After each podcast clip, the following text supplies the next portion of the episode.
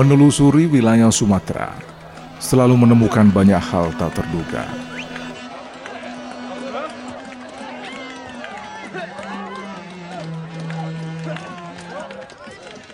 Selama perjalanan, saya selalu mendapati budaya, sejarah, serta adat masyarakat yang bisa saya pelajari dan saya analisa, hingga mampu menambah wawasan sebagai bahan penambah pengetahuan.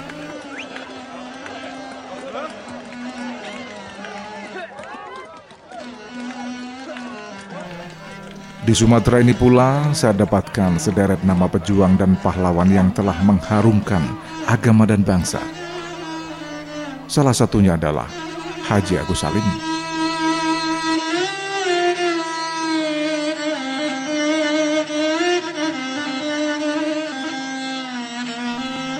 Kita mungkin sudah mengenalnya berpuluh tahun lalu melalui buku-buku sejarah namun mempelajari lebih dalam tentang Haji Agus Salim, kita akan menemukan sosok yang merdeka dalam berpikir dan bertindak.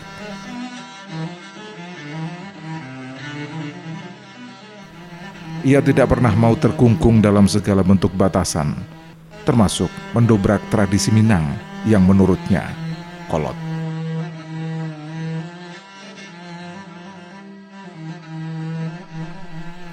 Dalam keseharian, penampilannya sangat sederhana. Bahkan lebih sering menggunakan sarung dan peci. Meski ia adalah seorang tokoh yang disegani dan sangat cerdas.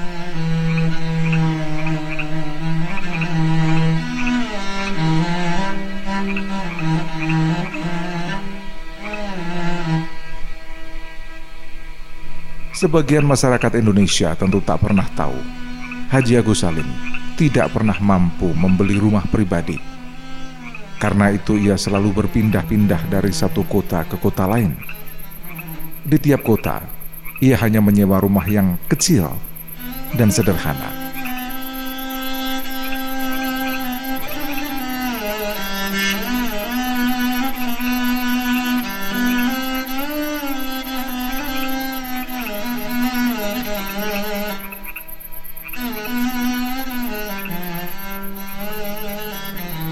Dalam hal pendidikan anak, Haji Agus Salim lebih senang menerapkan program homeschooling atau mengajar putra-putrinya sendiri di rumah. Hanya anaknya yang paling kecil yang disekolahkan secara formal.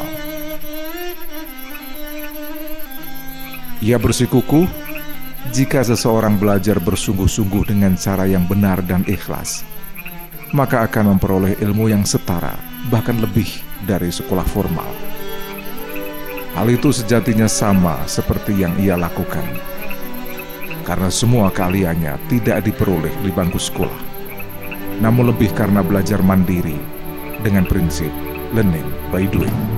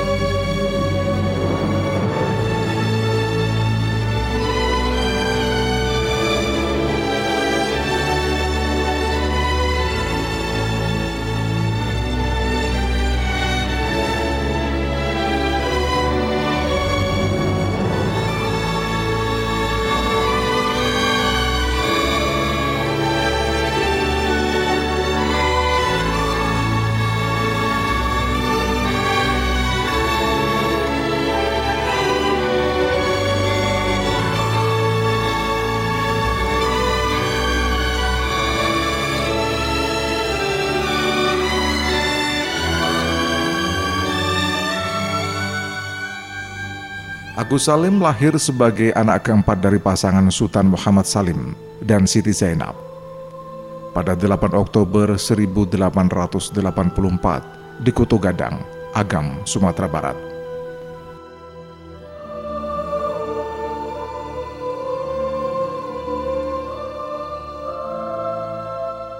Ayahnya seorang jaksa kepala di Pengadilan Tinggi Riau. Masudul Haq yang berarti pembela kebenaran, adalah nama yang diberikan orang tuanya saat ia lahir.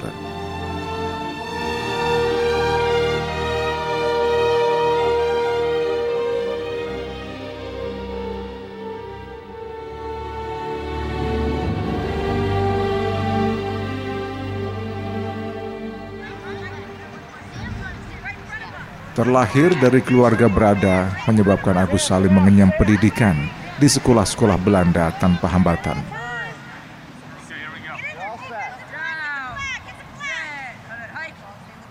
Pada umur 9 tahun, ia lulus dari HBS atau Hogar Burger School atau sekolah menengah atas dalam waktu lima tahun dengan menyandang predikat lulusan terbaik di tiga kota, yaitu Surabaya, Semarang, dan Jakarta.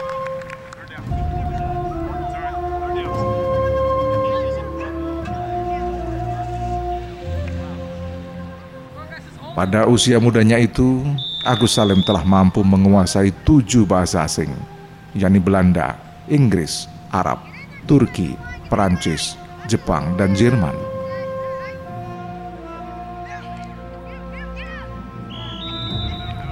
Berbekal predikat lulusan terbaik, Agus Salim lalu mengajukan beasiswa kepada pemerintah Belanda untuk bisa melanjutkan sekolah kedokteran di sana.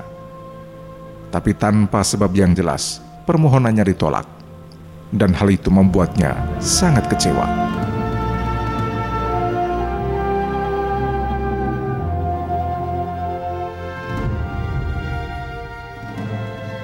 Pada saat yang sama, Raden Ajeng Kartini mendapat beasiswa dari pemerintah Belanda untuk bisa belajar di negeri kincir angin.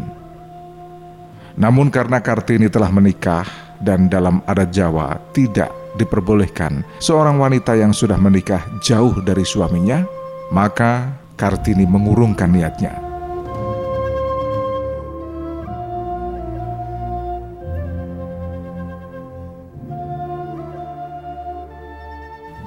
Mengetahui ada anak muda yang cerdas dan berpredikat lulusan terbaik dari tiga kota sekaligus, maka Kartini mengirim surat kepada temannya, Nyonya Abendanon, istri salah satu pejabat penting di Belanda.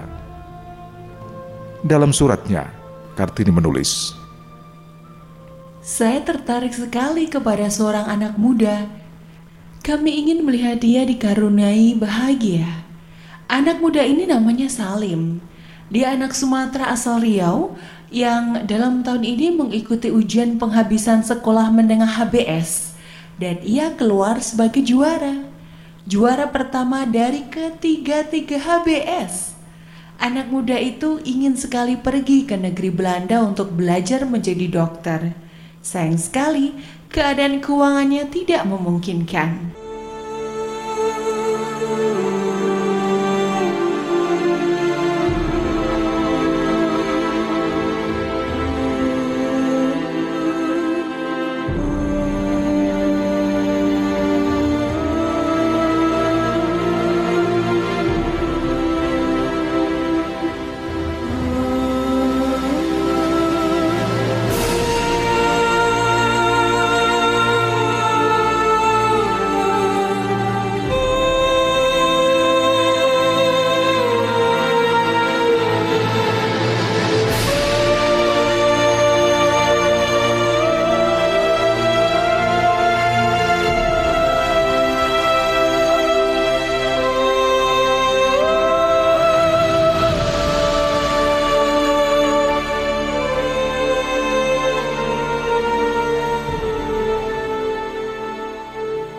Kartini lalu merekomendasikan Agus Salim untuk menggantikan dirinya berangkat ke Belanda. Caranya dengan mengalihkan beasiswa 4.800 gulden dari pemerintah pada Agus Salim. Pemerintah Belanda setuju. Di luar dugaan, beasiswa dari pemerintah Belanda itu ditolak. Agus Salim menilai pemberian itu karena usul orang lain, bukan karena penghargaan atas kecerdasan dan jerih payahnya. Agus Salim sangat tersinggung dengan sikap pemerintah Belanda yang dinilainya diskriminatif. Apakah karena Kartini berasal dari keluarga bangsawan Jawa yang mempunyai hubungan baik dan erat dengan pejabat dan tokoh pemerintah, sehingga Kartini mudah memperoleh beasiswa, sementara dirinya dipersulit.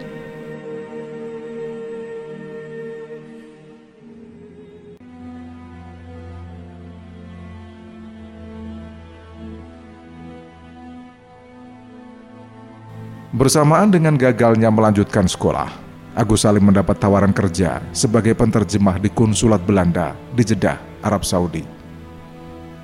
Ia menerima pekerjaan itu hingga dua tahun. Di sela-sela pekerjaannya, ia menimba ilmu lebih jauh tentang Islam kepada Syekh Ahmad Khatib, seorang imam di Masjidil Haram yang juga pamannya sendiri, sekaligus guru Kiai Haji Hasim Asyari, pendiri Nahdlatul Ulama, serta Kiai Haji Ahmad Dahlan, pendiri Muhammadiyah. Selain belajar agama, Agus Salim juga belajar ilmu diplomasi dan politik.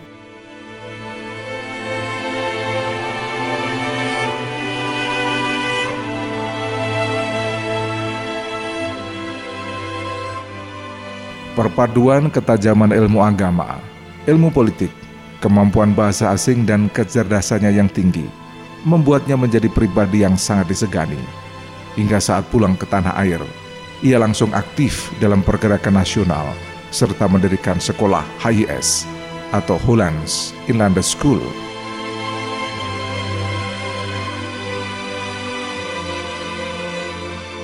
Perjuangan politik Agus Salim diawali bergabung dengan Serikat Islam pada tahun 1915 yang dipimpin oleh Haji Umar Said Cokro Aminoto dan Abdul Muiz.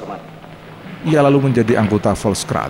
Marilah kita lebih dahulu bersama-sama memekikkan salam nasional kita. Merdeka. Selain di Syarikat Islam, ia mendirikan juga Jong Islamatan Bon. Saya mengucap syukur Alhamdulillah.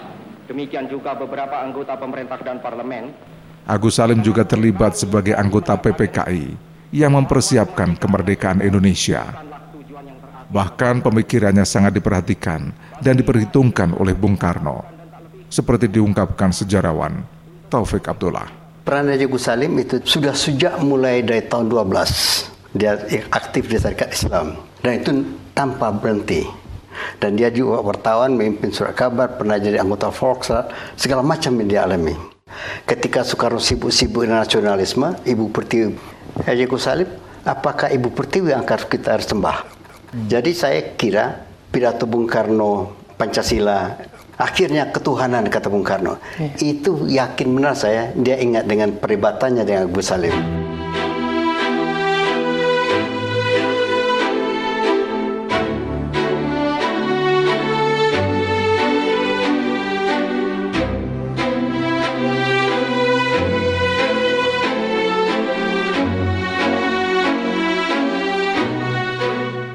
Setelah kemerdekaan, Agus Salim mendapat mandat sebagai anggota Dewan Pertimbangan Agung pada Kabinet Sahrir 1 dan 2. Lalu ditunjuk menjadi Menteri Muda Luar Negeri. Begitu pula pada Kabinet Hatta. Setelah kedaulatan Indonesia diakui oleh dunia internasional, ia ditunjuk menjadi penasihat Menteri Luar Negeri. The Grand Old Man adalah julukan Agus Salim karena cara diplomasi yang tidak tertandingi pada masanya. Salah satu contoh, ia sangat cerdik untuk mendapatkan pengakuan atas kemerdekaan Indonesia dari Jerman. Pada saat itu, Jerman yang merasa keturunan bangsa Arya berlaku sombong dan menganggap rendah negara atau orang yang tidak bisa berbahasa Jerman.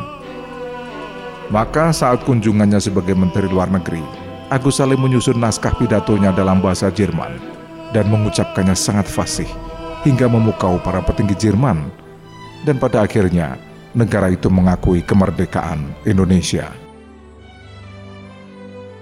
Sejarawan dan budayawan Ridwan Saidi mengungkapkan kisah lain dari sosok Haji Agus Salim. Beliau dilupakan orang bahwa dia adalah jago memainkan biola.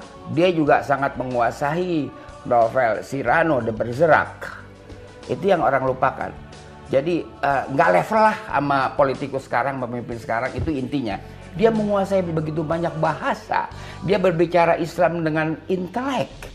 Dan kadang-kadang lumpuhlah pemikiran-pemikiran komunis kita tahu kan oleh berhadapan dengan Pak Salim. Bukannya Pak Salim itu uh, bawa golok, Allahu Akbar. Jadi itu diajak berdiskusi orang. Pak Salim juga anti maksiat, tapi caranya sangat intelek. Pola pikirnya dia bukan problem solver, tapi orang yang membuat jelas duduk soal.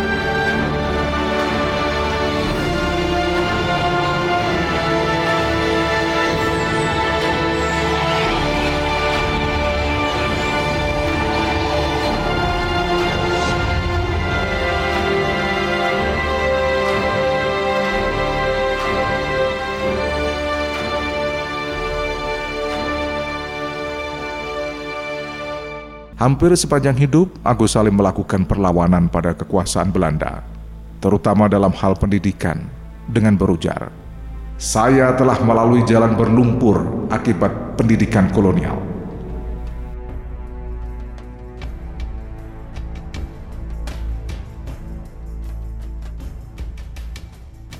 Setelah mengundurkan diri dari dunia politik tahun 1953, ia mengarang buku dengan judul bagaimana takdir, tawakal, dan tauhid harus dipahamkan?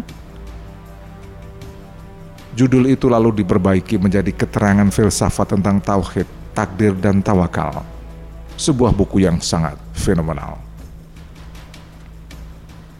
Haji Agus Salim yang akrab dalam lintasan sejarah bangsa Indonesia wafat dalam usia 70 tahun pada 4 November 1954 dan dimakamkan di Taman Makam Pahlawan Kalibata. Hingga kini perjalanan hidup dan perjuangan Haji Agus Salim telah menginspirasi jutaan warga. Tak hanya di tanah air, tapi juga dunia. Sepenggal perjuangan perjalanan hidupnya disampaikan motivator Jarod Wijanarko. Di tanah Minang ini lahir seorang bernama Agus Salim.